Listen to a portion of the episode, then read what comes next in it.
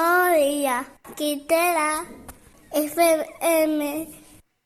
Hace cuatro años criticamos a animales do monte. Cuando fuimos a patear al monte, miramos un bicho bola. Boleta. Abecorro. También vimos pájaros. Sabíais que as aves son os últimos dinosaurios? Último dinosaurio. Un veciño traballando. Era Cesario con seu tractor.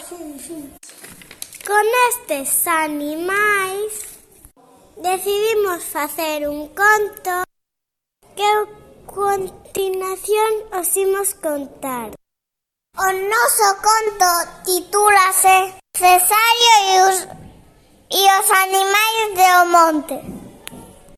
En un monte moi, moi lejano reuníronse os animais fartos de cos seres humanos tirar a lixo. Decidiron avisar a Cesario. Era un veciño moi querido do pueblo Cesario organizou a todo mundo e fixeron cartéis que ponían prohibido emporcar o monte. Pero como pasa sempre, algunas persoas non respetan as normas. E pronto deixaron de recoller o. Entón, Cesario programou su trator para que todas as noites recollera o lixo do monte e o deixara en esas portas dos veciños. Encontraban el lixo na porta. E tiñan que tirarlo para ir salir da casa. Desta maneira, Toratan aprenderon. Que o monte é de todos, que non tira basura. A partir dese momento, o cartel dese monte poñía Noso monte, o noso monte, o noso fogar.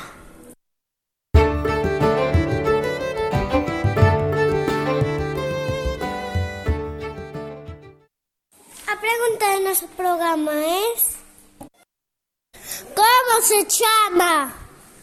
Como se chama o veciño do tractor? Repetimos.